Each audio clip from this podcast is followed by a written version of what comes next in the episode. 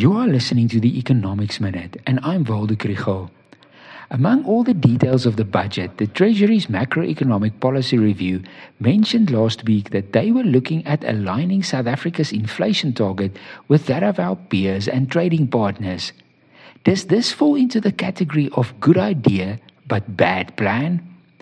This episode is supported by the NWU Business School. The idea of a lower inflation target has been in the air for a long time. The official target is 3 to 6%, but informally, the Reserve Bank targets 4.5%. They would actually prefer a 3% target. The arguments for this is are correct. Because South Africa's inflation rate is higher than that of our trading partners, the rand price of our export products increases and exports are continuously less competitive. This leads to the depreciation of the rand dollar exchange rate, and then imported inputs become more expensive, and this keeps inflation higher. If we can get the inflation rate closer to 3%, the exchange rate will be more stable and the long term cost of capital will be lower. I don't disagree with the Reserve Bank every day, but I think that what is not said is important. One problem is administered prices.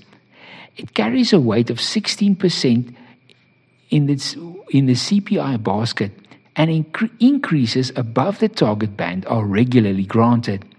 It does not seem like a high repo rate can do much to fight this. The other problem is that we do not have a measure of how much our slightly higher inflation rate contributes to a lack of competitiveness and a volatile exchange rate.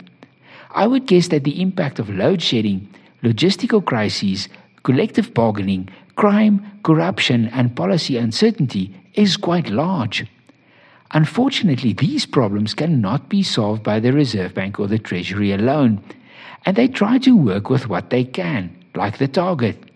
In fact, large scale and far reaching reform is needed.